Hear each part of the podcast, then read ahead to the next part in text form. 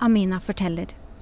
Vi bråvåknet av at huset ristet, og da taket kollapset over oss, var jeg helt sikker på at vi skulle dø. Alt var bare mørkt, støvete og ødelagt. Rundt oss hørte jeg folk som ropte og skrek etter barna sine, etter mamma og pappa. Noen hylte av smerte, og etter en stund kom den stille gråten. Det var helt forferdelig.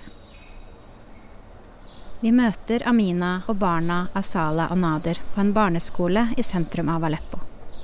Etter å ha mistet den lille leiligheten og de få eiendelene sine i jordskjelvet, får de nå midlertidig tak over hodet og det aller mest nødvendige for å klare seg av Kirkens Nødhjelp og våre lokale partnere.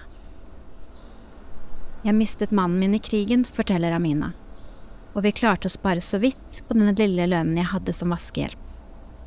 Nå har vi ikke noe sted å bo, vi har ingen jobb, og de få eiendelene våre er borte. Dette er jo ikke noe liv. Og jeg aner ikke hvordan, men vi skal klare oss på et vis.